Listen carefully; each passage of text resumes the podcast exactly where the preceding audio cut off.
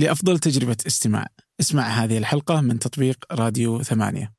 وتقدر تسمعها بدون موسيقى لو تحب. وعشان كذا اللي من عوائل تجارية ينجحوا ونسبة نجاحهم أعلى من الشباب اللي ما هم من عوائل تجارية. ليش؟ لا مو عشان الفلوس الناس كلها تقول لك عشان فلوس عنده فلوس أبوه اعطاه فلوس. الفلوس والله ما ما هي كل شيء. عشان عنده النو هاو عنده الخبرة. فهو لما تجي له أزمة زي كده تلاقي أبوه يقول له إنه التصرف يكون كذا تعمل كذا تسوي كذا أما أنا لما جاتني الأزمة في 2016 كل يوم أقول لا بكرة تتحسن لا بكرة حيتعدل لا كذا ولين ما خلاص لين ما ال cash flow كان صرت zero almost آه. بعدين بدأت أتصرف. أما جاء الكورونا خلاص الخبرة عندي عرفت أتصرف على طول. اكتشفت إنه اللعبة كلها في ال cash flow. قد ما أنت عندك تقدر تسيطر على ال cash flow قد ما أنت حتقدر تستمر. أهلا. هذا فنجان من إذاعة ثمانية وأنا عبد الرحمن أبو مالح. ضيفي في هذه الحلقة فارس التركي مؤسس والرئيس التنفيذي لسلسلة مطاعم فطور فارس. فالحديث في هذه الحلقة عن قطاع المأكولات والمشروبات في في السعودية. آه، التحديات اللي تواجه هذا القطاع بالكامل. آه، وكذلك من خلال تجربة فطور فارس اللي عمل عليها فارس من 2013 إلى اليوم عنده سلسلة هذه المطاعم والتحديات اللي يمر فيها وكيف ممكن نفهم القطاع بالكامل وأبرز تحدياته. فحلقة رائعة مهمة لكل من آه، يهم هذا القطاع آه، سواء اللي داخل الآن أو اللي بيدخله آه، أو اللي وده يفهم كيف جالسة تدور الدائرة داخل قطاع المأكولات والمشروبات. قبل أن نبدأ أود منكم مشاركة الحلقة إذا أحد حاب أنه يفتح مطعم أو وده يعرف أكثر عن فطور فارس فهذه الحلقة ستكون مهمة بالنسبة له. آه، اقتراحاتكم لضيوف أو مواضيع معينة يجب أن نتحدث فيها شاركوني على بريدي أبو مالح at ثمانية dot com أبو مالح at ثمانية dot com أما الآن لنبدأ. أهلا فارس. يا هلا والله. الله يحييك عبد الرحمن. يا أهلا وسهلا. ودي أفهم فطور فارس أكثر. إذا تسمح لي طبعا. أبشر. إذا ما. تسمح لي عادي يعني نبطل لا لا أبشر بين يدك. آه وشلون تعرف أول شيء شلون تعرف فطور فارس؟ هل هو مطعم شعبي يبيع أكل غالي ولا مطعم فخم يبيع أكلات شعبية؟ لا اعرفه ببساطة. مشروع آه، شبابي سعودي آه، بدأ بفكرة بحلم وصار تحول إلى إلى نجاح ما شاء الله جميل في أرض الواقع.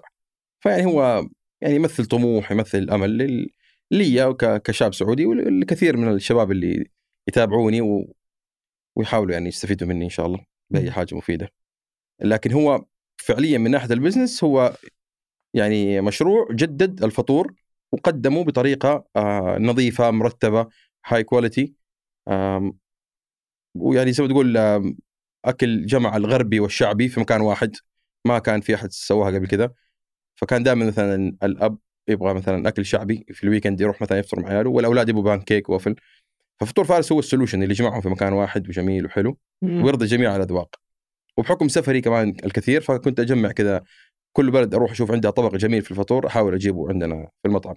فيعني تقدر تقول إنه مثلا مكان يعني زي جنة الفطور وقت ما نفسك تفطر فطور حلو تروحوا طبعا بالنسبة للأسعار يعني دائما الناس تتكلم على الأسعار بسبب إنه نحن من أوائل ال brands اللي دخلت في في segment معين أو في مجال معين وحاولت تعمل له آم، يعني ترتيب وتنظيم أكثر وترفع من مستواه شوية وتعمل له branding وتعمل له كذا جو حلو. فطبعا هذا ما يجي ببلاش يعني يجي بتكلفة تكلفة ال- الم- المواقع المميزة اللي بناخذها موقع الشباب ال- السعوديين اللي بيقدموا لك الضيافة على أجمل شكل آه، جودة المواد اللي إحنا نستخدمها. ف فكان هذا ال- المخرج الجميل. والحمد لله مستمرين يعني الآن في التوسع وفي وجودنا في في الرياض وفي مكة وبعد جدة طبعا. متى فتح اول فرع لفارس؟ الفكرة بدأت من 2011 2012 كنت أنا أشارك الناس فطوري في التويتر في الهاشتاج. أي. أيام ما كان بس اول. فرع كم؟ 2013 2013 بدأنا في 2013 طيب أنا بقول لك حاجة. أوكي؟ أنا واحد أحب الأكل الشعبي يعني إيه. أوكي؟ وأحب معصوب وفي الرياض ما في معصوب صحيح. يعني أنا عشت طول حياتي كلها بجدة. إيه. so جيت الرياض هذول ما يعرفوا أي حاجة أوكي؟ بس مو مشكلة. هذه سالفة ثانية. بس تخيل إني من 2013 وقتها أنا من 2013 صرت في الرياض أو قبلها حتى. بس من 2013 إلى السنة اللي فاتت أول مرة أدخل فارس آه، السنة اللي فاتت. حلو. وندمت على كل يوم تأخرت فيه. ما لا بس أنت فاهم ليش أنا ما جيت؟ لأن السمعة مو بحلوه أيوه. مزعجة لك السمعة هذه؟ يعني كان ببالي اللي اكل عادي وغالي. ليش أروح أشتري فول ب 40 ريال ليه؟ هو الفول أول شيء ما هو ب 40 ريال. بس هذه السمعة. أيوه. يعني تكتشف إنه مو بغالي زي ما هو صحيح. بس إنه أنت عجبك أول شيء ولا لا؟ يعني لا لا والله رائع أول تجربة بس. طيب شوف أنا أقول لك شيء. آه ازعجني لو أحد قال والله الأكل ما هو حلو ولا الأكل عادي. أيوه طبعا لأنه نحن في ال food business لازم الناس تقول الأكل كويس والأكل ممتاز يهمنا تقييم الناس رأي الناس. أما إنه يقولوا سعر غالي ما يهمني صراحة. يعني وكثير ناس جونا وجربوا فعلا لقى الفول ما هو ب 40 لقاه مثلا ب 14 ب 16 فيقول لك يا أخي ما هو زي ما كنا متخيلين. يعني طبيعي يعني بالعكس أقل من الطبيعي. فعملت لنا يمكن حتى تجربة عكسية إنه الواحد يجي ب expectations مرة إنه غالي ويجي يلاقيه رخيص فيقوم ينبسط.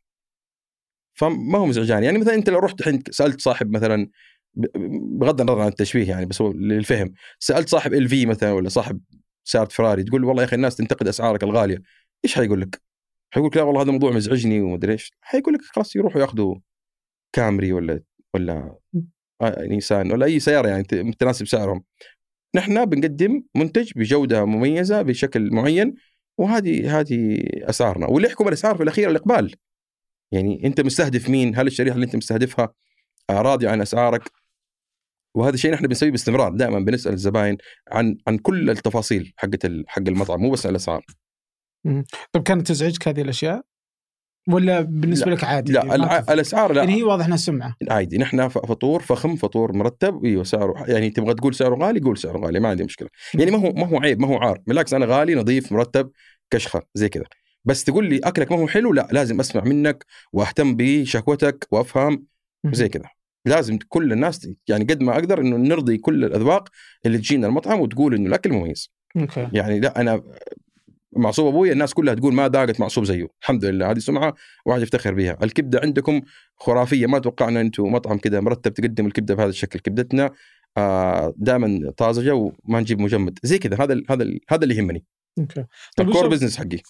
هذا ال business حقك. إيه. طيب آه، إيش الفرق بين جدة والرياض؟ بالنسبة لمطعمك. آه جدة هي اللي بدأنا فيها. جدة انشهرنا فيها. جدة كنت أنا يعني دوبي بادئ آه ال business هذا. فكان كل شيء صراحة متواضع كل شيء بنحاول نتعلم بنحاول نطور.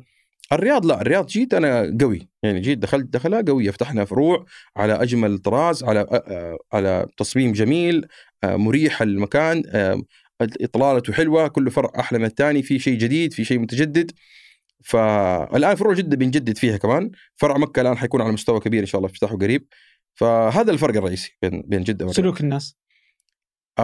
جدة العدد فيها أقل من الرياض. الرياض ما شاء الله كثافة سكانية أعلى بكثير والقوة الشرائية أعلى ما في شك. لكن جدة طبعا هي ال هي ال يعني هي الأصل يعني هي اللي تعرفنا فيها وهي اللي انشارنا فيها وهي اللي هي اللي شهرتنا يعني. فما ما أقدر يعني لا تحاول تجرني إني أنا أقول في واحدة أفضل من الثانية. لا كلها ممتازة صراحة حتى مكة إحنا فتحنا في مكة. آه مكة سوق جدا ممتاز الحمد لله الناس شوف ترى هذا دليل إنه الناس تبحث عن الجودة ال- الممتازة. الناس ظلت فترة طويلة جدا متعودة إنه وهذه من المشاكل اللي واجهناها إنه الفطور عبارة عن كافيتيريا بوفيه ساندويتش كبدة ساندويتش آه اللي هو بيض كذا بريالين ثلاثة ريال. أنا ما أعرف كيف يعمل كبدة بريالين أنا ما أعرف. إيش نوع الكبدة دي؟ إيش مصدرها ما أقدر. يعني أسوي حاجة زي كذا مش مو معقوله؟ ها؟ يعني منطقي إذا كان سعر الإيجار رخيص. بس حتى لو إيجار حتى لو إيجار بلاش موظفين عادي حتى لو جاره بلاش عمالة. تكلفة ما عارف كيف إيش نوع الكبدة هذا أكيد يعني ما هو ما هو شيء كذا فريش ما هو شيء أكيد شيء مجمد شيء يعني الجودة تفرق ما فيها كلام يعني. ف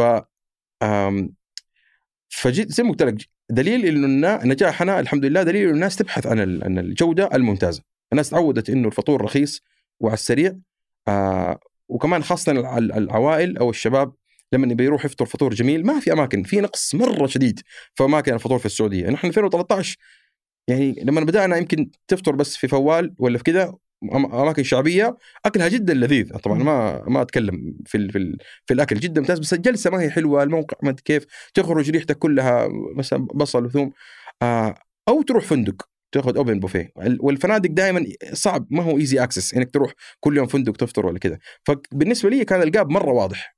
إنه السوق يحتاج محل فطور مرتب جميل ينفع لل middle class آه وبأسعار معقولة.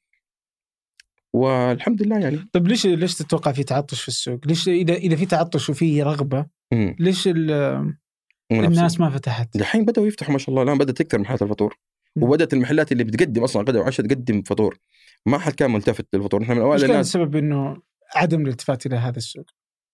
شوف هذا يعني توجه الموضوع الدخول في الفطور ترى ترند عالمي يعني الآن كل فترة تطلع هبة جديدة مثلا مم. اللي هو كان أول البرجر البيتزا مرة كذا الأشياء ال food trucks الفطور من الأشياء اللي الناس ما كانت مهتمة فيها والآن بدأت تدخل في المجال ولكن الحمد لله يعني إحنا هدفنا الآن نكون يعني الاختيار الأول للفطور. في في الرياض وفي السعودية إن شاء الله مع مع توسعنا اليوم كذا في هبة الفطور يعني على الأقل في الرياض. وبدأت. والمحلات اللي بتت بت بت بتدخل الآن السوق أسعارها أغلى مننا بكثير والناس بتقول الله يرحم فطور فارس. بطالع أنا أحيانا في التغريدات أقول الآن الآن تقولوا الله يرحم أيام فطور فارس. بس عموما ال- التنافس شيء ممتاز. التنافس شيء ممتاز ويرفع المستوى ويرفع الجودة وي- ويخلي الأسعار تكون في في مستوى الصحيح. آه، فبالعكس سعيدين بالمنافسة. وأنا على فكرة ترى اللي يعرفني يعرف إن أنا حتى منافسين يدعمهم لأنه أنا من مصلحتي إنه الثقافه تطلع تتطور حقت الفطور والناس تحب الفطور أكثر وأكثر. لأنه يعني مو من مصلحتي إنه ما في غيري في الفطور ويجوا يفطروا عندي طب بكرة إيش أسوي؟ بكرة فين أروح أفطر؟ بعده فين أفطر؟ مستحيل أفطر فطور فارس كل يوم. مم. لكن لما أتعود أشوف في محلات فطور كويسة خلاص أنا بالنسبة لي حققت هد- هدفي الأسمى والأفود لل- لل business حقي إنه الثقافة انتشرت في البلد. فبالتالي المردود على ال business حقي أعلى. ممتاز. طيب أجل خلينا في في مسألة كذا مجال ال- صناعة ال- الفطور أو المطاعم اللي تقدم الفطور. اليوم إذا قلنا إنه واضح إنه فيه موضة أو هبة آه، محلات الفطور مع كل هبة في ناس كذا تطلع والسوق يصفيهم ويطلعوا صحيح. وش أس... وش أبرز آه، أسباب بقاء محلات آه، الفطور مثلا؟ الفطور أو غيرها في اي أو غيرها. في أي مجال أيوه. اللي يقدر يضبط ال quality الممتاز بسعر معقول هذا هو هذا هو اللي حيخليك تستمر. في, في أي قطاع في أي business في أي technology أول ما تبدأ السعر يكون مرة عالي. والناس حتشتري منك لأنه هذا شيء جديد وشيء مختلف. الساعة دي جديدة والجوال هذا جديد. لكن بعد فترة خلاص تبدأ يدخل المنافسين تبدأ حرب الأسعار. بعد كذا ما حيبقى إلا اللي يقدر يقدم الجودة الممتازة بالسعر المعقول والممتاز. مم. أما تستمر مثلا شفنا food trucks قديش. أول ما بدأت البرجر كان ب 60 ريال ولا ب 65 ريال. مو معقول بس الناس زحموا عليهم لأنه يبغوا يجربوا يبغوا يشوفوا شيء جديد بس بعد فترة لما يزيدوا المنافسين ال food truck جنبها بدل واحدة اثنين صار 10 20 فخلاص يبدأ الناس تبدأ في خيارات أكثر تبدأ التنافس يصير على الجودة وعلى السعر فالواحد لازم يكون دائما حريص على إذا. دخلت تجرب محل فطور آه، تقدر تعرف إنه بيكمل ولا لا؟ يعني إلى حد ما أيوه إلى أي حد ما و- ولكن أنا على فكرة ترى أنا قبل ما أكون صاحب مطعم فطور أنا متذوق الفطور وعاشق الفطور. فأنا إلى اليوم إلى اليوم أروح أشوف إيش في مطاعم فطور جديدة أروح أجربها وأستمتع فيها والله. وأدعمها أو حتى أديهم نصائح إذا إذا طيب سالوا مني. مطعم فطور؟ إيش إيه؟ ألذ مطعم فطور في الرياض. آه فطور فارس آه حي الحمراء بعده فطور فارس حقيق وين الدعم يا فارس؟ لا لا والله في أماكن كثير حلوة والله أنا عندي لستة حاطها في دائما أحط لستات في في تويتر آه. أفضل أماكن الفطور مثلا في جدة في الرياض في في دبي في نيويورك موجودة كلها. يقدروا الناس يرجعوا لها أحطها في وصف الحلقة. طيب آه، أنت تقول إنك تقدر تدخل تقدر تعرف إذا كان آه، بيكمل ولا لا. وش الدلالات اللي تعطيك؟ شوف أول شيء ال- ال- الأرزاق بيد الله سبحانه وتعالى يعني ممكن مطعم يكون متوسط وتلاقيه ناجح ومستمر ومطعم بس هذه استثناءات. هذه استثناءات. ال- ال- الأغلب ولا الصح إنه اللي بيقدم مستوى كويس ويسمع. هذا المؤشر الأول بالنسبة لي. إنه يسمع. تلاقي صاحب المحل يسمع وحريص. واللي تلاقي صاحب المحل يحسب نفسه خلاص كذا حقق النجاح و... وما يهمه آراء الناس هذا تعرف إنه ما حيستمر. طيب في البداية آه، شلون قدرت تحصل على قروض آه، في بداية المشروع ونداري إنه البنوك يعني ما تقرض أحد. لا. خصوصا شركة الناشئه ولا ما تعطي إي لا لا صحيح. بس أنا شوف أنا قبل ما أفتح فطور فارس كان كنت شغال موظف في القطاع البنكي لمدة 10 سنين. فظبطوك يعني؟ فأخذت كان عندي يعني أنا يعني مجمع فلوس الحمد لله. آم، تقريبا كان عندي 300 ألف ريال مجمعها وكان بعدين أخذت تمويل شخصي من البنك فكان المجموع 600 و... فالحمد لله بدأت. في أول فرع وكان فرع صغير صراحة ومتواضع. وأتوقع نجاح ال- ال- الفرع السريع يعني هو اللي خلاني أقدر أكمل أسدد الموردين وأسدد المقاول. يمكن لو ما مشي الفرع بسرعة يمكن كان لقيتني مسجون الآن. لأنه والله 600 ألف ما كفت صراحة لكنها كانت يعني كافية إني أبدأ وأتحمس وأشتغل. وشوف لما يكون المكان مكانك والفلوس أنت تعبت عليها حت يعني حتقطع نفسك عشان تنجح. أوكي. بس تدري إنه الحين في ناس تسمع. تقول يا فارس يعني أنت من عائلة يعني إيه. يعني إيش اللي إيش اللي يعني قارض وما أدري إيش و- والله شوف أنا يعني آه، الحمد لله من عائلة ميسورة متوسطة لكن ما إحنا من عائلة ثرية يعني ما ما إحنا تجار. ابويا أبويا عسكري متقاعد والدتي آه، دكتورة في الجامعة. يعني الحمد لله ميسورين ما أقول لك. ولكن ما إحنا يعني يعني أبويا ما عنده مثلا 100000 ولا 200000 زايد الدين هي يقول لي يلا أبدأ مشروعك.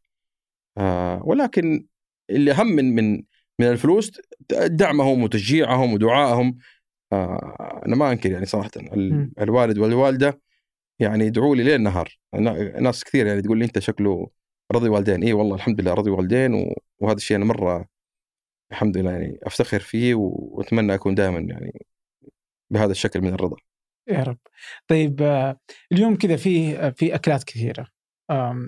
نقدر اليوم ناكل آه، سواء في الفطور ولا في غيره. يعني مفهوم الأكل نفسه. أتوقع أن السعودية إلى اليوم لم تستطع أنها تصدر الأكل السعودي أو الفطور السعودي. صحيح. هل أصلا فيه فرصة تطوير أو تصدير الأكل السعودي؟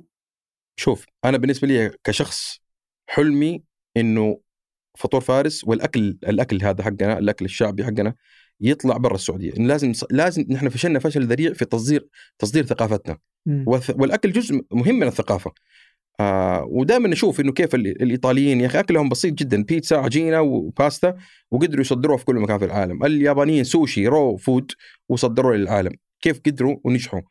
نحن للأسف يعني أكلنا جدا غني جدا ثري جدا آه، مليء بالنكهات ال- المميزة والجميلة آه، والواضحة في في عالم ال- الأكل. فالمطبخ السعودي لابد يكون متواجد خارج السعودية وهذا واحد من اهدافنا وكمان لا تنسى ترى إنه في الرؤية رؤية 2030 جزء منها موجود إنه تصدير ال- المطبخ السعودي يكون متواجد خارج السعودية. طيب وش المشكلة؟ يعني إذا اليوم اليابانيين قادرين الأكل الهندي الأكل الفارسي الأكل أيوه. المص... ما- أحس الأكل العربي مو قادر إنه يصدر نفسه مرة بشكل جيد أيوه بس في عندنا حمص فلافل مدري إيش بس هذه البسيطه لأنه فوش السبب السبب لأن- قادرين السبب لأنه ال- اللي صدر الأكل ال- ال- الهندي ذا ولا الأكل الصيني مم. المهاجرين ال- ال- اللي هاجروا في أوروبا وفي مم. في آه، أمريكا فقدروا يفتحوا مطاعم يفتحوا محلات لهم ال- الإيطاليين لما راحوا أمريكا نقلوا البيتزا وصدروها آه، فنحن ما ما ما هاجرنا برا ما سافرنا برا ما آه، والح والح والحاجة ما كانت موجودة أصلا يعني, يعني الحمد لله يعني وضعنا كويس في البلد.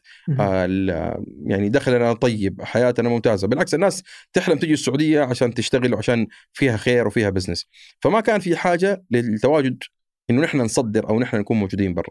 ولكن الآن الموضوع مو بس مسألة حاجة الموضوع يعني شغف طموح آه نبغى نكون موجودين برا نبغى ندعم لأنه وجودك خارج السعودية يدعم يدعم اقتصاد بلدك لأنه أنت الآن الدخل اللي هناك حتحول وترجعه للسعودية ثاني مرة فهذا مفيد للاقتصاد يعني بشكل من الأشكال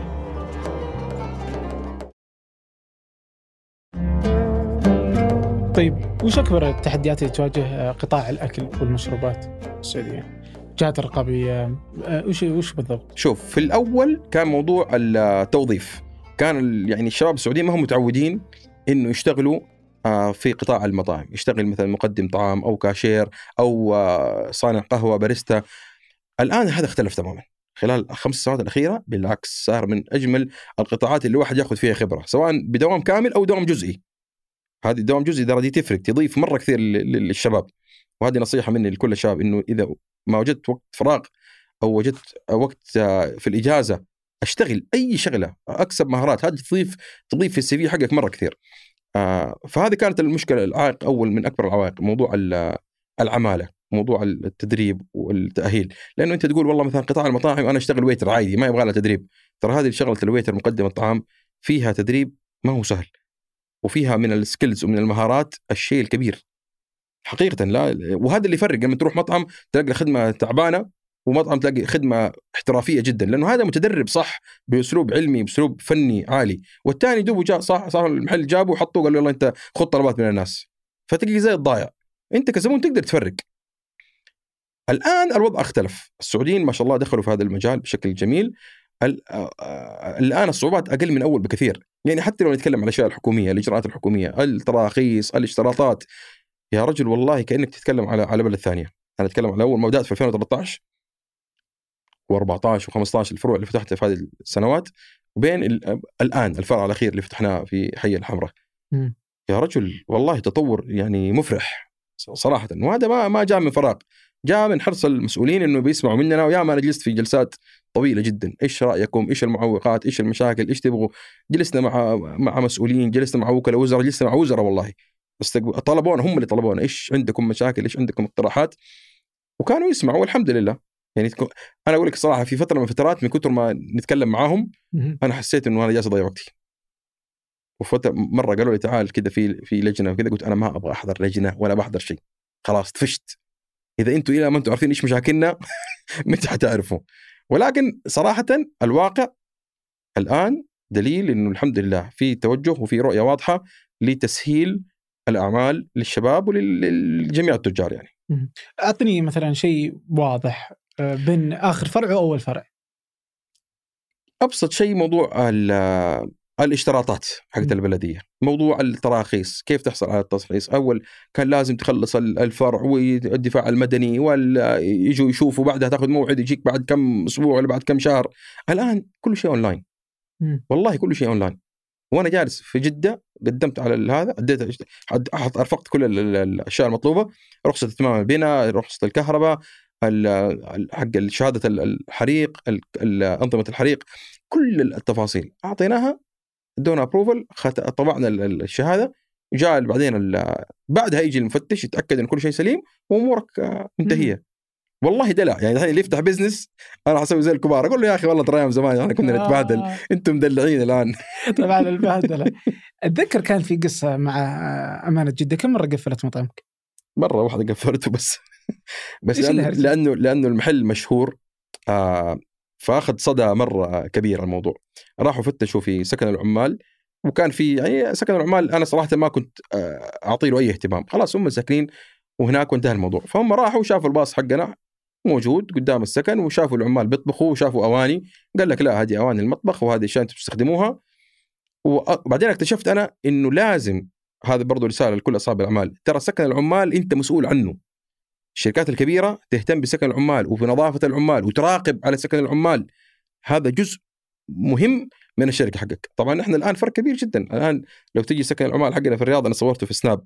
الناس تقول لي يعني إيش الدلع ده اللي أنت معيشهم فيه؟ وفي مسؤول عن السكن وفي رقابة وفي أنظمة حاطط لهم هي في السكن ممنوع أي أحد يحط أكل في الغرف أو في الصالة الأكل يكون في المطبخ.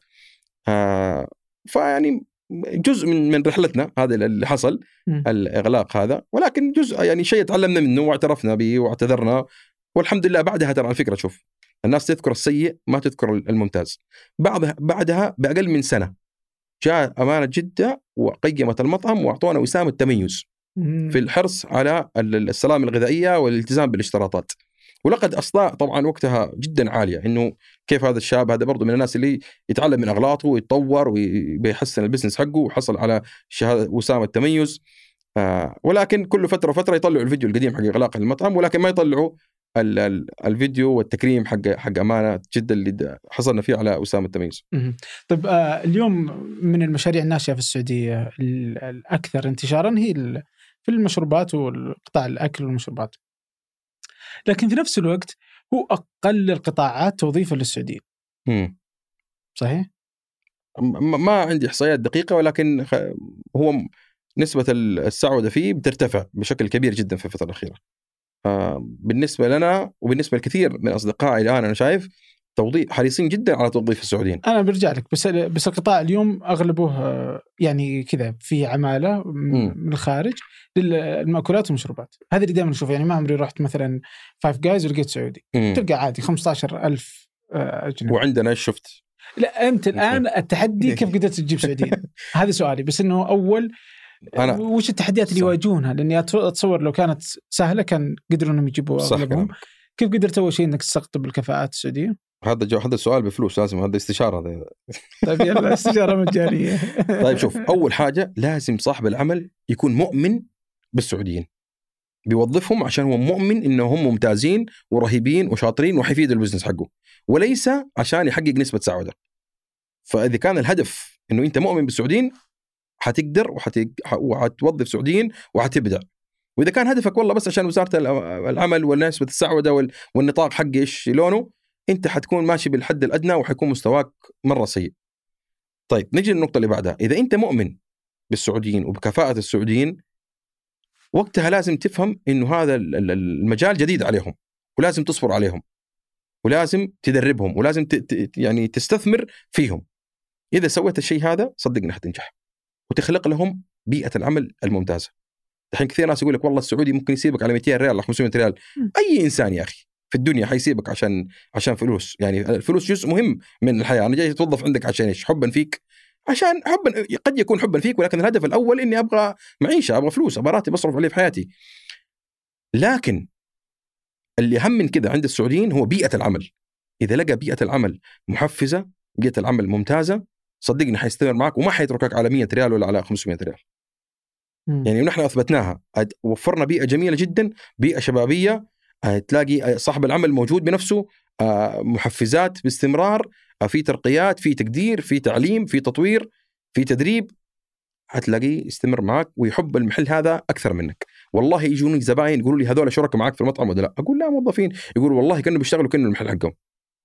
وفي ناس كثير تيجي فطور فارس عشان الموظفين المميزين اللي عندنا مو عشان أي شيء ثاني. فالسعودي لازم تؤمن به إنه ما هو أقل من أي أحد بالعكس السعودي مميز وذكي وشاطر. بس أنت كمان ما تجي يعني تحطه في بيئة صعبة وتدعس عليه وتقول لي والله آه، سابني عشان مبلغ بسيط. ولا تجيب له مثلا مدير آه، تعبان ويهينه ولا يعامله سيء وتقول لي والله مشي. ما ينفع الكلام ده. لابد من توفير البيئة الجميلة الخلاقة الشبابية. وخد وخد شباب. شباب وشابات. أنا عندي الإدارة ال- ال- ال- العامة حقتي يمكن فيها 20 موظف فقط واحد أجنبي. مم. أنا طبعا ماني ضد الأجانب. الأجانب في أجانب مميزين وفي أجانب ناخذ منهم خبرات ولكن يجي فاهم إنه أنت جاي عشان تدرب السعوديين هذول الموجودين. وناجحين والحمد لله مميزين والفروع عندي أغلب ال- ال front liners كلهم سعوديين. طيب بس أنت داري انه في فرق كبير ما بين السعودي وغير السعودي. أول شيء إيه، كصاحب عمل. أنا غير السعودي يعني ما يمدي يطلع عشان 500 ريال زيادة. هو عندي. إي. يعني ما يمديه. يعني أنا أيوه. دربت أتعلم حيبقى عندي. أو إنه بياخذ خروج نهائي ويمشي صح. الآن مع صح؟ النظام الجديد اللي سمعنا عنه ممكن بعد ما يخلص عقده ما ياخذ خروج نهائي ينقل كفالته عادي. امم إيه هذا النظام الجديد إيه. عجبني بس, بس أنت فاهم التحدي فالآن صح. أسهل لي إني أروح أجيب واحد من برا آه، يتعلم شهرين وما عاد يقدر يطلع. شوف أرجع أقول لك. وراتبه أقل ولا؟ يا أخي تبى تجيب أجنبي؟ جيب. ما هو جريمة إنك تجيب أجنبي. طالما أنت ماشي بالأنظمة. فميزتين أيوه. أيوه. أساسيتين. راتبه أقل وإنه ما يقدر يطلع. أيوه. ما, ما, ما عندي مشكلة. تبغى تجيب أجنبي؟ جيب. أجنبي. طالما أنت ملتزم بالأنظمة والقوانين اللي في البلد ما ح... ما ح... أنتقدك ولا حخونك حتى. بكيفك. لكن عشان كذا قايل لك في البداية نجاح ال- السعودة. يكمن في إيمانك أنت بها كصاحب ال- الشركة. إنه أنا عندي أولاد البلد هذول أولادي هذول أخواني هذول أصدقائي هم أولى بالوظائف من أي أحد ثاني. وأنت الآن دحين يعني حتى لو جيت لو أبغى أبغى أفتح فطور فارس في اليابان. وجيت أفتح في اليابان حاجي أقول لهم أدوني 20 فيزا أبغى أجيب آه، من الفلبين ولا من الهند ولا من ولا من السعودية إيش حيقولوا لي؟ حيقولوا لي سري. اي أنت في اليابان توظف يابانيين. إيش ما ما تجيب ما, ما في حاجة اسمها تديك فيزا وتروح تجيب عمالة رخيصة. أنت هنا في اليابان تمشي بال بالانظمه اللي موجودة عندنا. أي بلد في العالم أنت توظف من عندها. مو تروح تجيب عمالة من برا. تجيب عمالة من برا في حالات نادرة جدا. بس كلفتهم أعلى ولا؟ تكلفتهم أعلى. عشان كذا الأسعار في اليابان أغلى. وعشان كذا يعني في كثير تشوف إنه اماكن عادي إنه الأسعار ترتفع في- نعم. أفضل أنا عندي إنه ترتفع الأسعار. في البلد ولكن في الأخير الرواتب دي للسعوديين. وتجلس الفلوس تنصرف في السعودية. أفضل مما تكون أسعار رخيصة وكل الفلوس طالعة برا السعودية. بس أنا كمواطن ما يهمني ذا الموضوع. لا كيف؟ أنت أنت أنت أنا أبغاك ال- أنت كمواطن- أنا أبغى رخيص. طب تبغى رخيص وأنت إيه. عاطل؟ تبغى رخيص وأنت عاطل ولا تبغى الأسعار عالية وأنت موظف وراتبك كويس. يعني أكيد إنه الثانية بس إنه الثانية ما آه. تلزم الأولى. لا لا تلزم هي كذا الآن أنت طيب تبغى وظيفة وولدك عاطل وأخوانك عاطلين ولا تبغى مثلا الاسعار ترتفع شوية ولكنهم كلهم موظفين؟ اي مفترض. ما ينفع. نحن بنجيب ع- يعني في كثير سعوديين مثلا كانوا يشتغلوا في مجال الدشات أول ما. بدأت يركب الدش بمبلغ آه، محترم. دحين لما نزلت الأسعار ورخصت خلاص ما ما صار ما صار تجدي معاه. صار يجي مثلا الأجنبي يركب ال- الدش ب 100 ريال 200 ريال. ما تخارج صارت مع السعودي. فصار يعني دخل مجالات كثيرة ما يدخلها السعودي بسبب التنافس الغير عادل من من من ال- الاعمال الأجنبية. طيب كيف آه، هذا ملف حساس. أنا ما ما أدري ليش دخلت أنا فيه بس يلا. ليش حساس طيب؟ ما اعرف خاف أحد يزعل ولا شيء. ما حد يزعل مفترض والله. أحس إنه الموضوع مرة طيب. يعني أحس إن في قيمة إضافية إنت تقدمها وماني عارف أنا- كيف قادر إنك تسويها أنا أشوف يعني استقطاب الكفاءات السعودية على مو بس حتى في الأكل، يعني أي. الأكل هو تحدي أكبر في أي بس مجال مثال مثال كويس لك مرة صعب. أنا تبغاني أقدم لك مثلا فول أو فلافل بريالين ولا بثلاثة ريال ما أقدر مم. ما أقدر لأن أنا مستأجر في مكان كويس وموظف شاب سعودي راتبه ممتاز تبغى تاخذ الرخيص الرخيص موجود في كل مكان. تبغى تقارني بالكافيهات والبوفيات؟ أيوه أنا غالي. أكيد غالي ما يبغى لها كلام. بس تبغى تقارني بالمطاعم ذات نفس المستوى حقي؟ بالعكس أنا اسعاري مقاربة وحتى رخيصة كمان أعتبرها. أوكي. إيه طيب الحين أنا برجع لل- لل- للتوظيف السعوديين قديش آه نسبة إنه بقائهم عندك؟ كم متوسط آه الموظف انه يقعد شوف ال ال فارس. ال ال يعتمد على الوظيفة. هل هي وظيفة مثلا محاسب مدير تسويق آه، مدير مشتريات؟ هذه الوظيفة بيجلسوا سنة سنتين ثلاثة بيطولوا الحمد لله. معنا بس وظيفة waiter هذه أصلا مقدم طعام آه، أو كاشير أو كذا هذه الوظائف أصلا ما هي وظائف forever يعني ما هي للأبد. هذه وظائف مؤقتة. فحتى أنا أكلم أصحابي أص- زملائي أصحاب المطاعم أقول له إذا الموظف هذا جلس معك ستة شهور سنة أكثر من سنة أنت محظوظ وممتاز. لأنه هو بيتطور بياخذ وظيفة ثانية بيترقى بيعلى بيشوف فرصة جاته في مكان ثاني. مم. فبالعكس أنت يعني جزء من تجربته هذه إنه ترفع من من كفاءته وتخليه ياخذ خبرات عندك. okay. طيب. وهذا عالمي ترى هذا شيء عالمي. ال life span حق حق ال waiter وال cashiers ترى ما هو عالي. مهم. يمكن يمكن صح برا يكون مثلا سنتين سنة عندنا سنة ستة شهور عندنا أقل من المعدل العالمي لكن هو اجمالا معدل ما هو مرتفع. كم متوسط الرواتب المقبول لدى السعودي في شوف زمان نتكلم قبل 10 سنين كان بيشتغل ب 1500 في القطاع الخاص الآن فين؟ الآن ما في أقل من 4500 مينيموم أقل شيء عشان يدخل عليه. بس نحن عندنا أتوقع لو جلس سنة سنة ونص ممكن يوصل راتبه 6 7000 على أتكلم على على شهادة ثانوية يعني مو. جامعية حتى.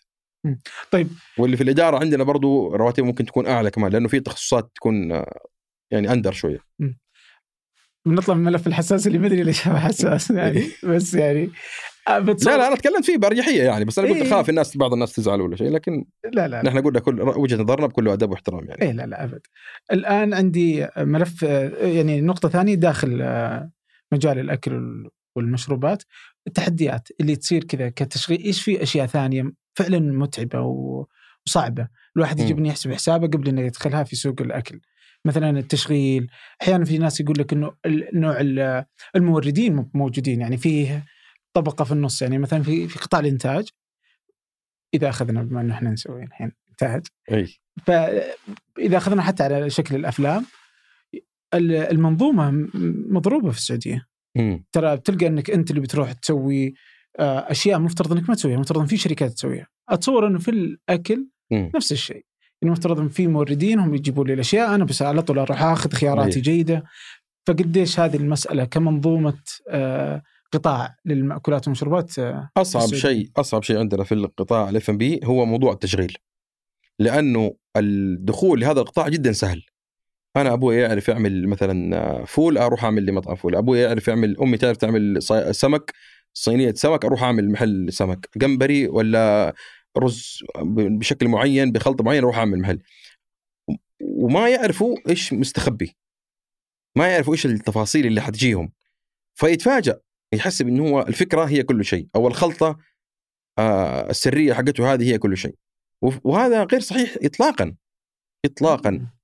العامل الأول لنجاحك في في في المجال هذا هو كيف تشغيلك للمشروع حقك، تشغيلك للمطعم حقك. موضوع التشغيل مرهق ومهلك ومتعب ومميت، كثير ناس خرجت من هذا القطاع بسبب التشغيل، يقول لك والله أنا food truck أعمل آه hot dog ولا أعمل برجر كذا رهيب. يكتشف إنه الموضوع يبغى له 24 ساعة شغل. لا يقدر ينام لا يقدر يصحى لا يقدر ويتضارب مع المقاول ويتضارب مع المورد زي ما انت قلت وخلص هذا وكيف المخزن والمخزون والسيطرة على السرقات اللي بتصير والسيطرة على الهدر في تفاصيل يعني تخلي الواحد ما يدخل هذا القطاع من أصله لو لو يدري عنها ولكنه عشان زي ما قلت لك دخول سهولة الدخول في القطاع سهلة ومنخفضة فتلاقي كثير ناس يدخلوا ولكن بعد فترة يخرجوا. فنصيحتي لأي أحد يدخل هذا المجال لازم يعرف تفاصيل التشغيل وكيف حيستمر هذا المكان. كل يوم يفتح أبوابه بساعات الدوام يخدم العملاء بال standard اللي أنت تبغاه بطريقة الترحيب بطريقة المعاملة اللي تبغاها كيف حل المشاكل يكون كيف طبخ الأكل إذا عندك أكثر من فرع كيف نفس الأكل في كل مكان عندك sta... manual عندك standards هذه الأشياء كلها لازم تخطط لها من بدري. okay في كثير ناس دخلوا هذا القطاع من في السنوات الأخيرة وهذا القطاع زي قطاع آخر غير كان غير مخدوم من السعوديين بشكل كبير جدا. الآن بدأوا يدخلوا فيه بقوة لكن لازم يرتفع مستوى الأداء ومستوى التشغيل باحترافية عالية جدا. ما ينفع أنا كزبون يوم أجي ألاقي الأكل كويس ويوم أجي ألاقيه مختلف يوم ألاقي الموظف يبتسم لي ومبسوط ويوم ثاني مكشر ويعاملني كذا بأسلوب مو حلو. لازم يكون في آه، معايير موحدة تطبق في جميع فروعك عشان تقدر تدير شغلتك هذه بشكل ممتاز. طيب لو اليوم أخذنا عشان ودي أفهمه لو أخذنا فطور فارس وحطيناه في من... في مثلا في مكان المنظومة فيه مضبوطة، كيف بيكون شكله؟ ما حيختلف كثير ما حيختلف, ما حيختلف لأنه نحن أسسنا أسسنا صح يعني الحمد لله فنقدر الآن نكون موجودين في أي منطقة بنفس ال... بنفس ال standard حقنا اللي موجود الآن في جدة والرياض ومكه. okay طيب آه أنا ودي أسألك سؤال جت فترة وحسيت إنه ودك تقفل؟ والله شوف يعني قد يكون يمكن جاتني فترات آه تعرض فيها لهجوم تعرض فيها لتعب جسدي عالي آه بس أنا ماني من النوع اللي أستسلم. يعني أنا من النوع اللي أقاتل من النوع اللي أحارب. يعني إذا صعب هزيمتي. ما أقول لك إني أنا الرجل السوبرمان لا ما في أحد ما ينكسر ما في أحد ما ينهزم. بس صعب. أنا قاتل إلى آخر رمق. فيعني كل الصعوبات اللي اللي واجهتني وبتواجهني أتخطاها يعني الحمد لله بروح معنوية عالية. ولكن الطريق ما هو سهل. أكيد ما هو سهل. الناس ما تشوف إلا النتيجة النهائية ولا الابتسامة اللي الواحد يضحكها في في سناب. ولكن هذه وراها شغل وتعب ودموع وآلام كبيرة يعني صراحة يعني. ما ما أبغى أصور نفسي إني أنا البطل البغوار ولا الفارس الفارس. إيه. ولكن حقيقة يعني اللي تابعني يعرف إنه إنه حقيقة ما وصلنا لهذا المستوى إلا بعد جهد وتعب كبير. جسدي ونفسي كمان. هجوم زي إيش؟ يعني الهجوم اللي كل الناجحين يتعرضوا له يعني. في البداية يمكن أنا كنت صغير أعتقد إنه يحاربوني ولا يهجموا علي عشان يعني حسد ولا غيرة ولا كذا. لكن في الأخير لازم تعرف إنه أي واحد يتعرض للأضواء أي واحد ينعرف أي واحد ينشهر لابد الناس يعني يعني تديله من من الهجوم الشيء الجميل. يعني يا أخي ما ما سلمت لأحد. الرسول صلى الله عليه وسلم كان يحارب وكان يكذب وكان كذا. بقول لصاحبي كذا. قام قال لي يا أخي ربنا ما إن في ناس ما أجمعت عليه استغفر الله العظيم. يعني في ناس ما بتسب ربنا وتحارب ربنا يعني أنت تبغاها تصفى لك أنت ما حتصفى لاحد فهذه هذه سنة الحياة. أنت لازم تعرف إنه إيش هدفك؟ أنت إيش تبغى؟ أنت ماشي في الطريق الصح. أنت فين؟ الناس اللي أنت آه، قدمت لهم منتج المنتج حقك والخدمة حقتك هل هم راضيين؟ هل هم مبسوطين؟ خلاص أمورك شغالة والبزنس حقك طيب وأرباحك ممتازة. يعني ليش عندك هم إنه ليش عندنا هم نبغى نرضي الناس كلها؟ نبغى الناس كلها تتكلم علينا كويس. يستحيل. ولكن هذه المرحلة من الفهم والنضج ما ما ما يوصلها الواحد بدري في حياته. حسيت مرة إنك ضيعت الطريق؟ لا لا. ما ما ما وصلت لهذه المرحلة. لا أنا يعني عارف إيش أبغى في حياتي وعارف آه آه إيش توجهي وعارف إيش ال يعني الأهداف اللي بحققها والطريقة اللي أبغى أمشي عليها. لا ما حسيت إني ضيعت الطريق. إيش تبغى في حياتك؟ أبغى أكون إنسان ناجح في حياتي مستور آه أكفي أكفي أهلي وأسرتي. و يعني أنا مو من الناس اللي يقول والله أحلامي الوردية لا عندي أهداف وأحلام محددة في العمل. ابى أوصل لأرقام معينة ابى أوصل لمستوى معين من السعادة من الثراء. ولكن ما يهمني هذا قد ما يهمني الطريق اللي أنا ماشي فيه. يعني على قولهم ما يهمني المرحلة اللي هو مكان الوصول قد ما يهمني طريق طريق الرحلة إني أكون مستمتع فيه وهذا الشيء أنا الحمد لله مستمتع فيه يعني لو كل واحد فينا قال أنا أبغى أكون آه، أكفي أهلي وأكفي يعني شر الناس وأنجز على مستوى أطفالي وعيالي وأبوي وأمي حنكون كلنا كمجتمع بخير. مم. طيب بس طبعا في نفس الوقت في خلال هذه الرحلة أبغى أكون عضو فعال في المجتمع. يعني أبغى أساهم في توظيف السعوديين أبغى أساهم في في أعمال مجتمعية أبغى أكون يعني شيء مفيد للبلد ما أكون شيء كذا يعني عالي على الناس. طيب وين تشوف فطور فارس؟ أشوفه خارج السعودية إن شاء الله. يعني أشوفه أقرب للسعوديين أكثر يعني إنه موجود مثلا في المدينة المنورة في الشرقية في في القصيم آه، في تبوك في الجنوب في أبها. أحس كذا إنه إن شاء الله يكون الفطور الأول في السعودية وأقرب للناس كلها. ما أشوف نفسي ماكدونالدز ولا البيك اللي هو مثلا في كل حي ولا في كل حارة لا. بس إنه موجودين في المدن الرئيسية بنقدم فطور لشريحة تبغى فطور جميل وراقي. وكمان برا السعودية نفتخر إنه مثلا والله عندك صاحب في بريطانيا تقول والله ترى هذا في فطور سعودي في لندن تعال جربه أو في أمريكا في نيويورك. هذا حلمي وإن شاء الله ما هو ما هو بعيد إن شاء الله.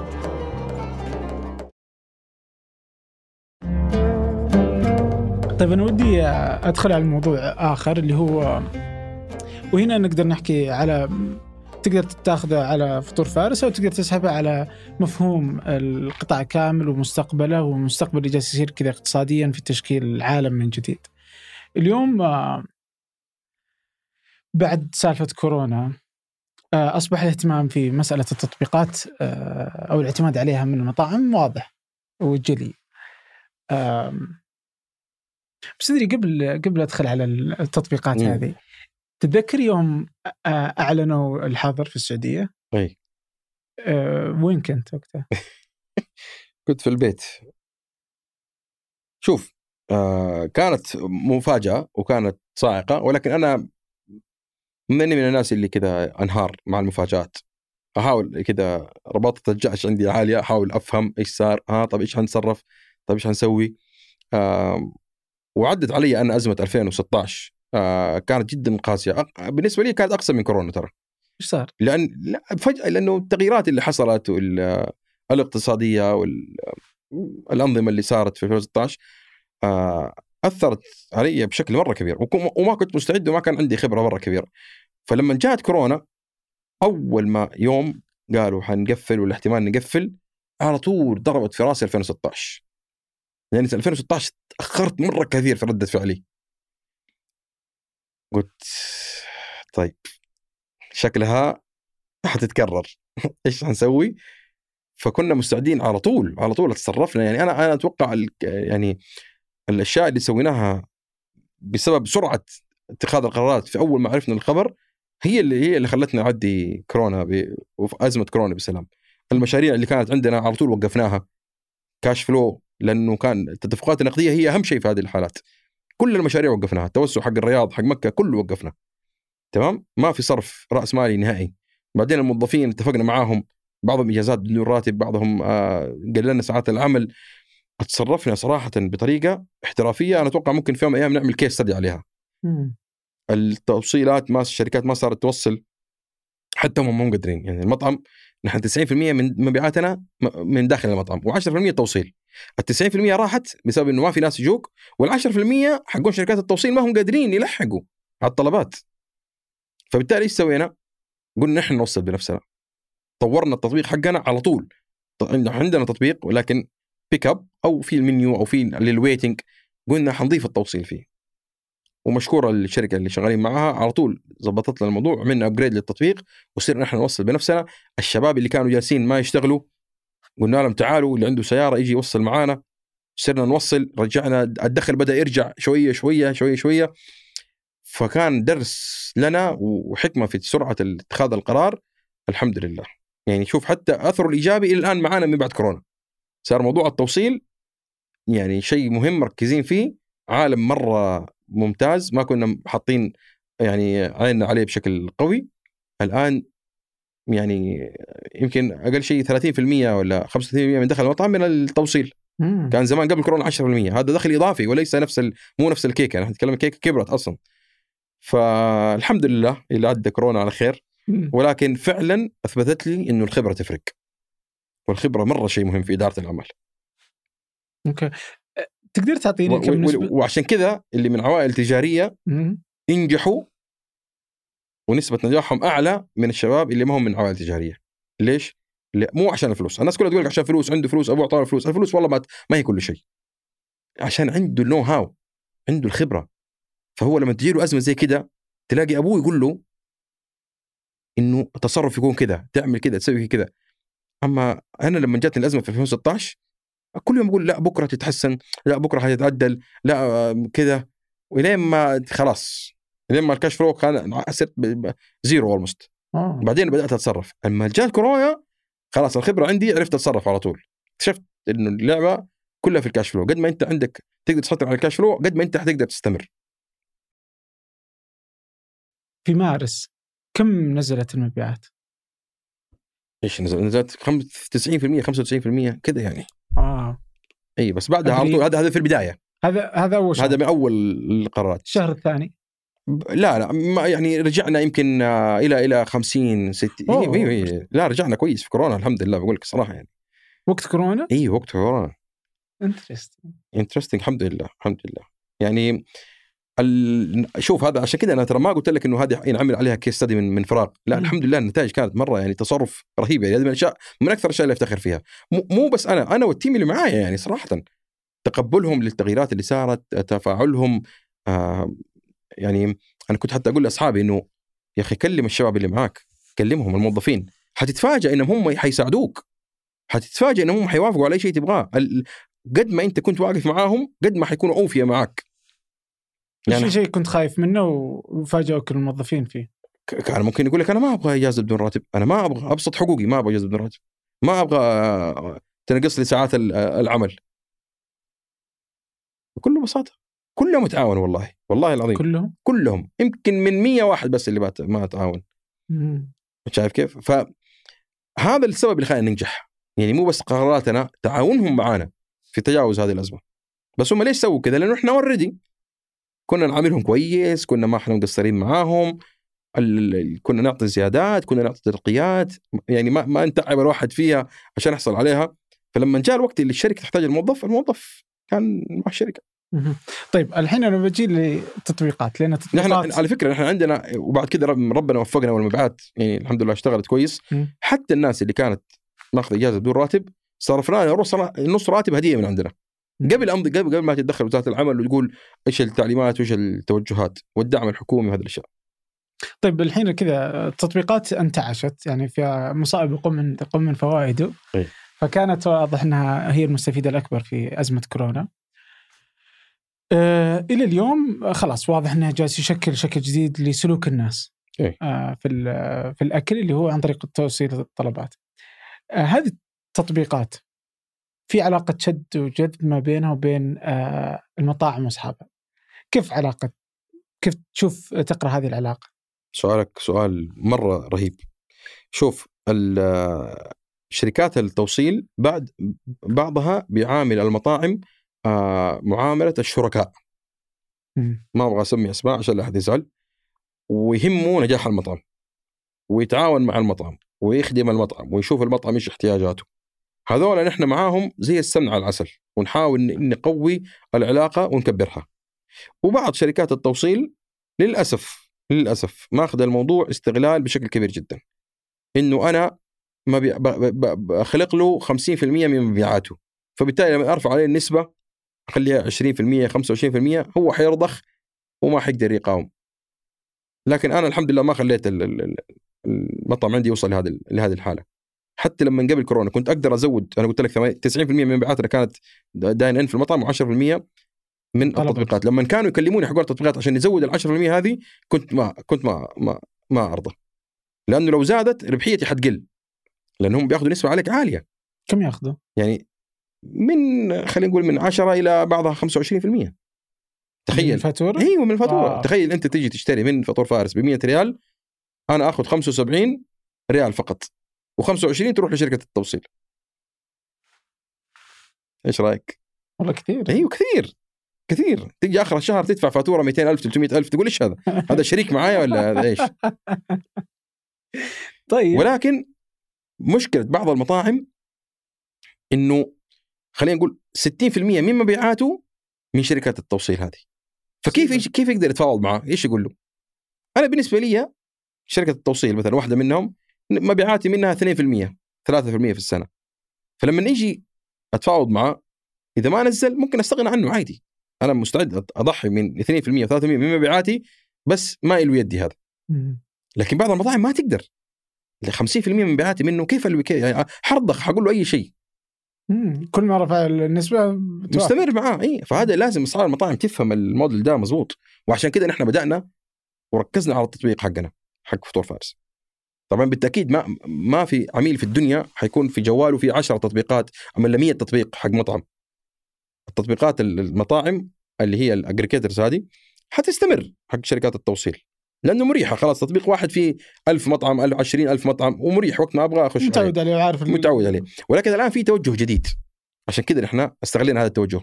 الناس عندها استعداد إنها تحمل تطبيقين ثلاثة لمطاعمها المفضلة. مم. اللي هي تشتري منها كله مثلا مرتين في الأسبوع.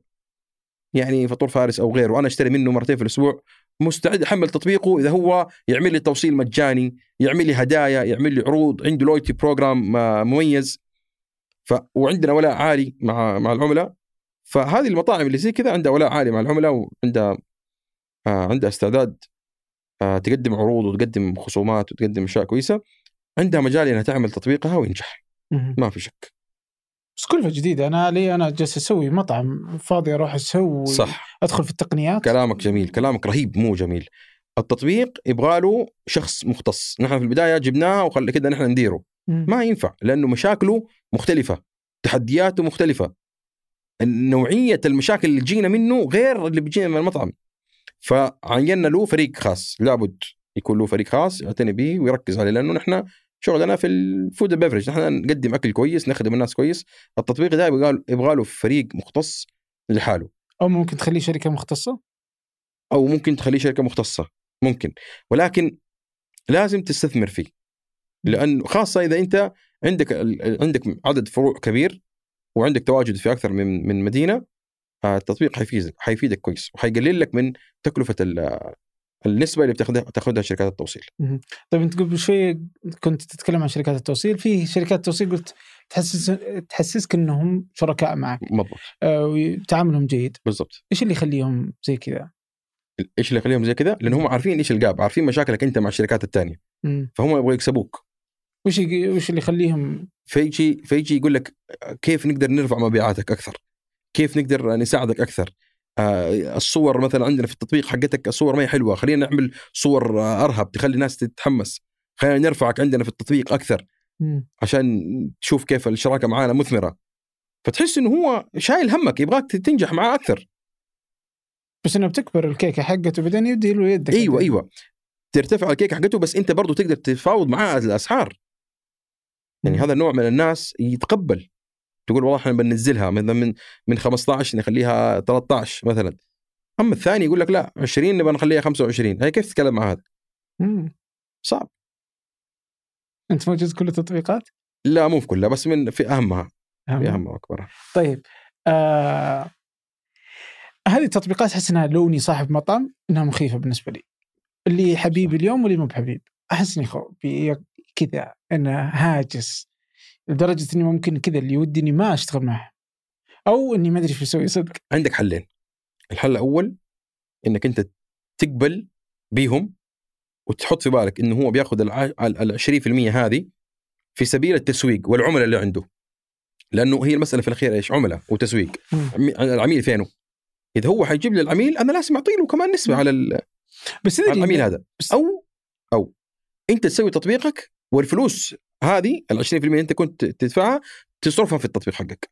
هل انت عندك استعداد؟ لأنه هو بيصرف ملايين في التسويق. كل شركات التوصيل هذه بتصرف ملايين على التسويق عشان تجيب عملاء. وانت تيجي تاخذها جاهز مجهزة وتدفع ال 20% فالحل الثاني إنك انت تدفع في تطبيقك وتستثمر فيه بس تكون جاهز وقوي إنه يكون عندك رأس مال طيب إنك تصرف على الدعاية في تطبيقك. لأنه أنت لو مو أي مطعم يعمل تطبيق فجأة الناس هتيجي تطلب منه. إيش عرفها أصلا؟ فلازم يصرف ميزانية محترمة في التطبيق حقه عشان يوصل للناس. بس أنا أحس خطرهم أكبر من ال 20% أو ال 15% اللي ياخذوها خطرهم إنهم يعرفوا سلوك زباينك. يعرفوا إيش يحبوا وإيش ما يحبوا. صح صح, صح. ومتى يشتروا متى ما يشتروا. آه وبعدين إيش اللي ممكن يسووه؟ يعني عادي لو بكرة سوى يبيعوا الداتا دي لحد ثاني؟ مرسول مو بس إنه بيع يمدي بكرة هو يسوي مطعم له. لا هو شو لا هو ما حيسوي مطعم. لا هو ما حيسوي مطعم لأنه هو عارف إنه هو مو شغله ده ولا تخصصه. صدقني هو تركيزه تقني فاهم في الموج... والهدق اللي عنده.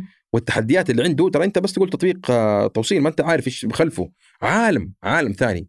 من التحديات والصعوبات والمشاكل تفصيلات رهيبة. مستحيل يضيع دقيقة واحدة من وقته عشان يسوي مطعم. بس أنا معاك إنه هو ممكن أنا ما أعرف نظاميا أو ليجلي ينفع ولا لا إنه الداتا دي يبيعها. يجي يروح يقول لي يقول لي عبد الرحمن ترى شوف فارس عنده في الحي ده أغلب توصيل. وكلهم يطلبوا كل... مثلا فول وكبدة وك... أيوه وكبدة. بس. روح أنت أفتح بس هذا ال... إيه؟ أيوه طبعا هذا يعني موضوع خطير أيوه أيوه موضوع خطير. وإذا افترضنا إنه أخذ خطوة للأمام وقال أنا ما بسوي مطاعم أنا كمثلا جاهز مرسول اي أي واحد من ذولا يقول أنا ما بسوي مطعم أنا بسوي مطعم بس ما هو آه، اللي هو المطاعم الداكنة ولا وش يسمونها أيوه. دارك kitchen cloud kitchen cloud kitchen فالفكرة هذه المطاعم آه، اللي تصير كذا في الخفاء فما يحتاج إني أدفع التكاليف للديكور ولا إني أكون في شارع عام ولا يهمني. بروح أحط مطعم جوا الحي فيصير رخيص أنا عارف هذول أصحاب الحي وش ياكلوا وش يحبوا وانافسك فأنا أصلا أقدر مو بس أنافسك أقتلك. فعشان كذا أنا عشان كذا متوجهين للتطبيقات الخاصة كل مطعم يكون عنده التطبيق الخاص. بس إنه برضه أنت تدري إنه ياخذ بياناتك حتى لو كان إيه نسبته قليلة. وأنت شوف أنت لما يكون عندك تطبيق خاص أنت تعرف كل السلوك المستهلك كله حقك عندك. تقدر حتى بكرة تعمل حملات تعمل آه وجبات تعمل تفاصيل كثيرة بناء على الداتا هذا اللي عندك. الآن كل الحروب حتكون على على الماء وعلى ال data okay طيب. ال data شيء خطير طبعا ما في كلام تحس إنه ممكن إذا كبر التوصيل ممكن تكون عندكم فروع آه، ما هي بالضرورة بس مجرد مطابخ؟ أيوه أيوه cloud kitchen طبعا طبعا أه؟ أيوه أيوه ليش لا؟ لأنه التوجه الآن على ال cloud kitchen مرة ممتاز ولكن هذا مجال مرة كبير وفي تفصيل آه، يعني نجاحها ما هو ما هو مضمون 100% وما هو بالسهولة اللي الناس تتخيلها. بس راس رأس مال فيها قليل يعني. صح؟ مو مرة لا مو مرة. أيوه أقل من المطعم طبعا هذا لكن برضو فيها رأس مال. تحط تستأجر. ال cloud kitchen إيجاراتها ما هي رخيصة ترى. cloud kitchen إيجاراتها تحسبها أنت ب 10000 20000 هذا في الشهر. يعني واحد من أصحابي جاء قال لي والله في cloud kitchen إيجاره ب 10000 في الشهر. قلت له يا أخي طب ما تستأجر محل بنفسك أنت. إذا المسألة زي كذا. والمعدات أنا اللي أجيبها. قلت له هو إيش بيسوي لك؟ قال لي هو بس جهزوا المكان السيراميك هذا وفي hood كذا شفاط. قلت بس كذا. قال لي والله بس كذا.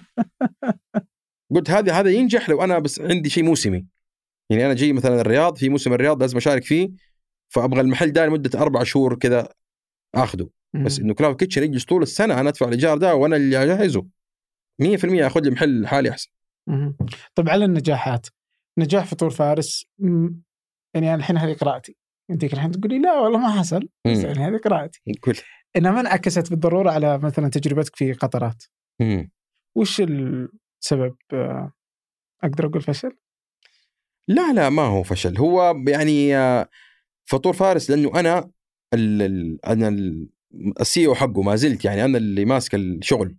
أما القطرات أو في كذا أربع مشاريع ثانية أنا داخل فيها يعني أنا بس مجرد شريك. فما ما أصورها وما أبرزها وماني مسؤول عن إدارتها أصلا. ف ممكن عشان كذا جاك الإحساس هذا. لكن أنا لو كنت ماسك أي واحد من المشاريع هذه اللي أنا لي نسبة فيها آه لو ماسك التشغيل فيها كان برزت لك هي بشكل خليتك تشوف إنها ناجحة. الله يعطيك. آه، تفكر في فكرة الامتياز؟ فكرت ولكن مو مرة متحمس لعدة أسباب.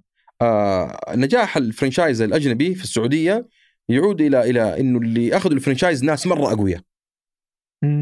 تمام فاللي جاء أخذ ستاربكس اللي جاء أخذ آه، البراندات الثانية هذه أساطير ف وعندهم رأس مال جدا عالي هذا رقم واحد وثاني شيء القوانين والأنظمة والعقود اللي وقعوها مع الشركات الأمريكية جدا جدا قوية ولا يمكن التلاعب فيها والتقصير فيها. هذه الحاجتين ما هي موجودة عندي أنا. يعني أنا لو جاء أحد يبغى ياخذ فرنشايز لفطور فارس ما حيكون واحد من الكبار الأساطير هذول، هذا يجي بيشترك مم. ما حد ياخذ فرنشايز منك. فاللي ح- على الأغلب حيجي يبغى الفرنشايز منك واحد يعني مثلا يكون مجمع فلوس دوب ولسه بيتعلم. وهذا اللي صارت مع كثير franchise local franchise سعودية إنه أخذوا ال franchise وما أدوه حقه وظلموه. وكانت التجربة جدا سيئة. البيك franchise اللي موجود في الرياض و... في آه، ما أعرف تفاصيله بس لكن في شراكة لا في شراكة. مو بس franchise. بس؟ يعني اسسوا شركة جديدة وفيها أكثر من شخص و... آه. أيوه. فقلت إن تجربتهم تعتبر ناجحة يعني إيه، أي- كامتياز سعودي. ال- البيك؟ مم. أيوه ناجحة. لا لا أنا أتكلم brandات ثانية يعني. مم. ما كانت ناجحة بسبب إنه ما كان في التزام قوي من من الشخص اللي أخذ الفرنشايز. وثاني شيء العقود. العقود والنظام لسه دوبه طالع عندنا. مم. فلكن آه، مع الوقت يمكن الأمور تضبط أكثر وأغير وجهة نظري. بس هذه وجهة نظري الآن حاليا. الآن. إيه. أوكي. ترى أنا أغير رأيي عادي ما ما أنكسف. بالعكس أتعلم و... وين تشوف مستقبل آه، قطاع ال- الاكل وش التغيرات اللي بتصير فيه اليوم كذا مع كورونا. أتوقع في ناس غي... كذا في سلوك جديد جالس يصير. لكن هذا المستوى كل القطاعات وكل ال- ال- الحياة كلها بتتغير. بس بالنسبة للاكل وين تشوف مستقبله؟ آه، شوف الأكل في ناس تقول كذا الروبوتات مدري إيش تغير مدري إيه طريقة التقديم الناس بتركز على تغير إنه تخليه سريع بس غالي يعني في تغيرات في شكله. إيه. بس وش أعطيني من شوف خبرة. جواب عام وجواب خاص. الجواب العام إنه الأكل قطاع المطاعم وقطاع الاف ام بي وكل القطاعات الثانية بما فيها المقاولات والإنتاج كله. هذه قطاعات كانت غير مخدومة من السعوديين ابدا. السعوديين ما دخلوا فيها مم. إلا في السنوات الأخيرة. وهذه القطاعات كانت الجودة فيها جدا جدا ضعيفة. لأنه اللي كان ال- ال- الفرق الأجنبي عن السعودي السعودي مرة تهمه سمعته.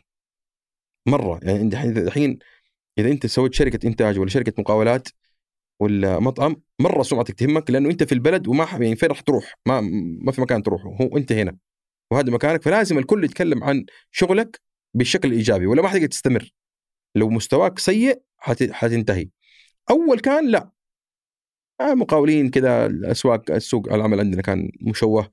آه، في تستر مرة كثير. فتلاقيه يعمل عمارة ما يهمه التشطيب حقها عشان أصلا كذا كذا هو بعد سنة سنتين ماشي ولا هو داري عن حاجة. فالآن لما دخلوا السعودية في كل القطاعات هذه المستوى العام ارتفع في البلد. الجودة الخدمة الدقة أنا ما أقول لك 100% بس في تطور. نحن ماشيين في الكيرفل على فوق. آه ما عندي شك في هذا الكلام. والأكل برضو والمطاعم نفس الشيء هذا. أنت شايف مؤخرا كيف؟ يجي يجي واحد سعودي يفتح مطعم يبغى ينجح يبغى ينجحه. يهمه الناس إيش تقول يبغى ي... يبغى يضرب يبغى يستمر يبغى يتوسع. هذا شيء إيجابي إيجابي إيجابي جدا.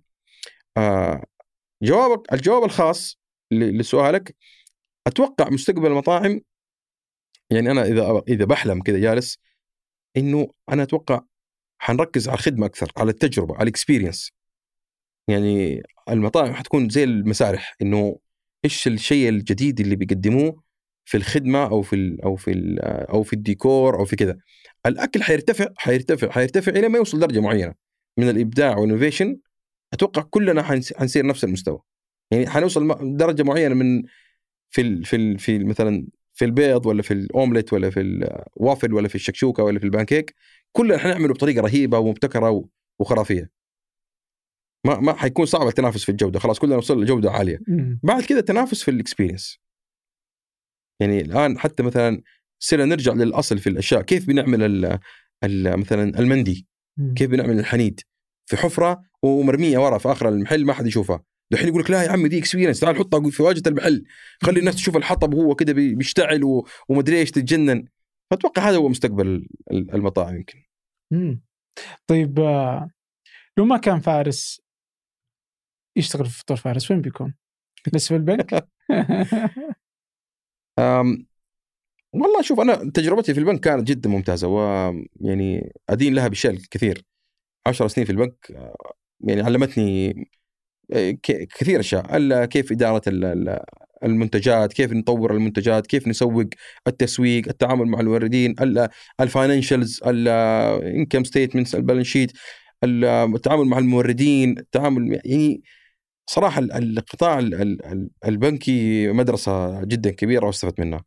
ولذلك أنا أقول للشباب دائما إنه لازم تاخذ خبرة لازم تاخذ خبرة. التضليل كبير جدا يا أخي اللي يسوي بعض الناس إنه يجي يقول لك والله فلان آه بيل جيتس ما كمل الجامعة عادي لا تكمل الجامعة اعمل مشروعك. يا أخي هذه أمثلة واحد في المليار. أنت أنت تراهن على حاجة زي كده؟ ما يمكن. الصح إنه اللي يكمل دراسته نسبة نجاحه أعلى بمليون مرة. اللي ياخذ خبرة نسبة نجاحه أعلى بمليون مرة. فلا بد إن الواحد يمشي صح ولا ينخدع بال بالاستثناءات ولا بالشواذ. بيل جيتس تعرف بيل جيتس كم كم ساعة اتدرب فيها في في المعمل؟ يعني سا- ساب الجامعة لأنه صار هو أحسن يعني يحل مشاكل الجامعة هو. بسبب الذكاء الخارق اللي عنده وال capabilities اللي كانت موجودة والتعليم اللي تعلمه والتأسيس اللي تأسسه. فالشهادة أوكي صارت بالنسبة له مجرد ورقة ما ما ما لها داعي. بس أنت وأنا لا. إحنا ما ما, ما, تعلمنا زيه ولا درسنا زيه زيه. فتيجي تقول لي والله أنا ما بكمل جامعة خلاص جاني مشروع أبغى أمشي. انتبه. في ناس يقولوا لك كذا؟ كثير تجيني استشارات أيوه. ها كمل ولا ولا أبدأ مشروعي؟ لا كمل يا حبيبي كمل الله يرضى عليك. ما أنت عارف بكرة يمكن إيش تبغى أنت؟ آه. مرة جاني واحد قال لي أبو رعد أبغى أشتغل عندك. بس بقول لك شيء بصراحة وأنا خايف ترفض. قلت لا لا قول الصراحة ما في أجمل منها قال لي أنا صراحة أبغى أشتغل عندك عشان نتعلم وأفتح مطعمي. مم. قلت والله جزاك الله خيرا. قلت لي بالعكس ما عندي مانع الله يحييك. خلاص تبدأ من بكرة. قلت له بس حتتعامل زيك زي اي موظف يعني. يعني ما يفرق أنت من فين جاي. قال لي خلاص. واشتغل معانا. كم تتوقع كمل؟ كم؟ اديني كذا بالله هي. ست شهور. والله كمل يومين. يومين وجاء رمى القميص وقال لي الشغلة دي ما هي شغلتي وأنا لا يمكن أفتح مطعم في حياتي. قابلته بعد سنتين كده في واحد من آه، مؤتمرات آه، ريادة الأعمال عنده بوث كده آه، مصور. عمل شركة تصوير وقلت فين المطعم وفين؟ قال لي والله إنه اليومين اللي اشتغلت عندك أهم يومين كانت في حياتي. إني لازم يعني فعلا لازم كل واحد يدخل المجال اللي بيشتغل فيه يشوف كيف وضعه يشوف إيش فيه تحديات. طبعا احتمال كبير تلاقي نفسك فيه ويعجبك وتتعلم وتستفيد وكان أخذ خبرة عندنا وفتح مطعم ناجح لكن برضه في احتمالية كبيرة إنك أنت ما يعجبك فلازم لازم تجرب بنفسك. تاخذ خبرات كويسة إيه. أو على قول بعض الناس يقول لك جرب بفلوس غيرك يعني اشتغل عنده وشوف كيف بدل ما تفتح مطعم وتشوف كيف بس لو كنت أنت 2013 اليوم هل إنك بتروح عند فارس تشتغل؟ بس داخل وانت كنت تشتغل في البنك وكذا؟ أيوه بس كنت أتعلمت وكنت وفرت على نفسي كثير من الأشياء وش كنت الصعبة. يعني أنا بدأت بدايه ترى جدا متواضعة جدا. كل شيء كان غلط في المطعم. يعني من ديكور من تصميم من ترتيب من تقسيم جداول الموظفين. كله تعلمناه بال- بالهارد hard way الطريقة الصعبة. وهذا اللي خلاني بعد سنة كاملة من عملي في في المطعم إني أستقيل. لأني شفت إني تعلمت أشياء حرام تضيع كذا على الفاضي. فقلت خلاص أنا لازم أركز وأحط كل مجهودي في هذا المشروع وأكبره وأخليه شركة كبيرة يعني فيها حوكمة صح مم. طب لو رجع فيك الوقت اليوم بالمعرفة اللي والخبرة اللي اليوم عندك وش كنت بتسوي غير؟ حكي حكون حيكون نجاحي يمكن أسرع من كذا كمان وش كنت بتسوي أشياء فعلية غير؟ يعني أول شيء آه، المنيو حقنا كان مظبطه بالشكل الحالي على طول مم. أنا جلست أتعلم في البداية في وجبات كثير لغيتها وجبات وجبات أضفتها التصميم المطعم شكل المطعم آه، ترتيب ال- ال- الموظفين كثير أشياء تفاصيل في, مع الموردين اتفاقيات أنا معاهم. مليون مليون مليون شيء كان يتغير مم. طيب آه والآن ترى الشباب اللي بيدخلوا في السوق ما يعرفوها جالسين يتعلموها بنفس الطريقة اللي أنا تعلمتها بالطريقة الصعبة. إيه لاني أحس انه لأن قبل شوي الكلام اللي تقوله تمام حلو يعني تنظيريا جيد. أيوه. إنه أروح أشتغل عند أحد أتعلم منه.